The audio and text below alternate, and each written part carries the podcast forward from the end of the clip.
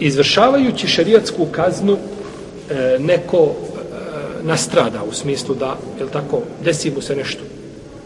Nanese mu, da, da, da mu to izazove nekakve velike povrede ili belaje, na kraju da čovjek podlegne nakon izvršenja tih kazni.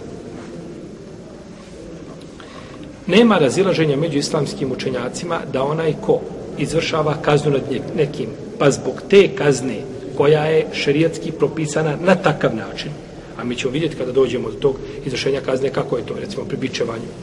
Je li to, je li tako da čovjek ovaj dvijema rukama, koliko god ima snage ili je to drugačije, doćemo do toga. Ali on izvrši, znači, šerijatsku kaznu na način kako traži od njega ili kako šerijat nalaže. I nakon toga ova osoba, znači, desio se nešto, bez razilaženja među učenjacima, taj koji izvršio kaznu nije odgovoran. I ne možemo niko pregovoriti, ni da popreko pogledati. Jer on je uradio ono što od njega traži uzvišeni Allah i poslanik sallallahu alejhi ve I prema tome znači ne zaslužuje nikakav prekor, on samo ima nagradu. Zato što je uspostavio i izvršio jednu od naredbi Allahovi. Samo nagradu ima. I kogod mu šta pregovori, znači može samo biti griješan sa te strane i može potvoru na njega, znači, iznijeti. A, isto tako, ako bi on uz propisanu kaznu, znači, od sebe nešto dodao, iz nekakve mržnje koju nosi u srcu, ili tako, ili ovaj, ili iz ljubavi da nekoga batinja, e onda bi ovaj morao da namiri štetu bez razilaženja među činjacima. Jer on smije kazniti, znači, samo onoliko koliko, znači, šarija traži od njega. Tako da je, znači, vraća se stvar, jeli, kako je izvršena kazna, tako? Je li ga tamo negdje prije nego što ga izveo javno da bude bićevan, jel ga tamo negdje tuka u zatvoru, tako, udarao ga.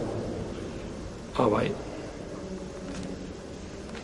što je danas moda, znači, kada se hapsi zločinac, slome ga, prvo. Znači, on ne zna je li on to uradio 100%. Jer mnogi ti zločinci nisu vidjeli šta na dijelu, nego ga uhvate i onda mu šta? Šta mu radi? Sude mu. Da, su, da je on to uradio 100%, tako, nema potrebe mu suditi. Znači, zna se ko je uradio, imaju dokaze, to je završeno. Nego ti mu sudiš i dokazivaš je li on to uradio. Znači, dok dokazivaš je li on to uradio, znači trebaš prvo potvrditi da je on to uradio. Pa ga primio što ga hvate, ili tako, ili ga uhvate, onda ga slome prvo, u to prvom mahu, i onda nakon toga mu se, jeli, sudi.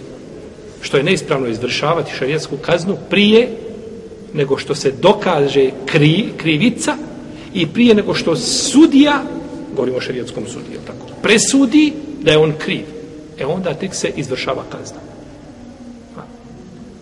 To da si ti vidio neko nekoga ubio, i policija došla, mogu ga samo uzeti i privesti. Šerijetska, to je njihov zakon. Znači, ako on bude se opirao, imaju pravo primijeniti silu.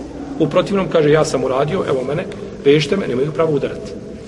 Jer kazna, to nije sad vrijeme izvršavanja čega? To je sad lišavanje slobode da ne, ne uradi nekakvo zlo nakon toga i onda nakon toga ide šta? Suđenje i nakon toga ide izvršavanje kazne a to neko, hajmo ga prije nego što, što bude kažnjen da ga, da ga slomimo, da, da zapamti i o tome, to, to je sve paganski način ovaj, ovaj obračunavanje. Pa zato što šarijat propisao, znači, kako se, znači, kažnjava, jeli, čovjek koji je napravio nekakav prijestup.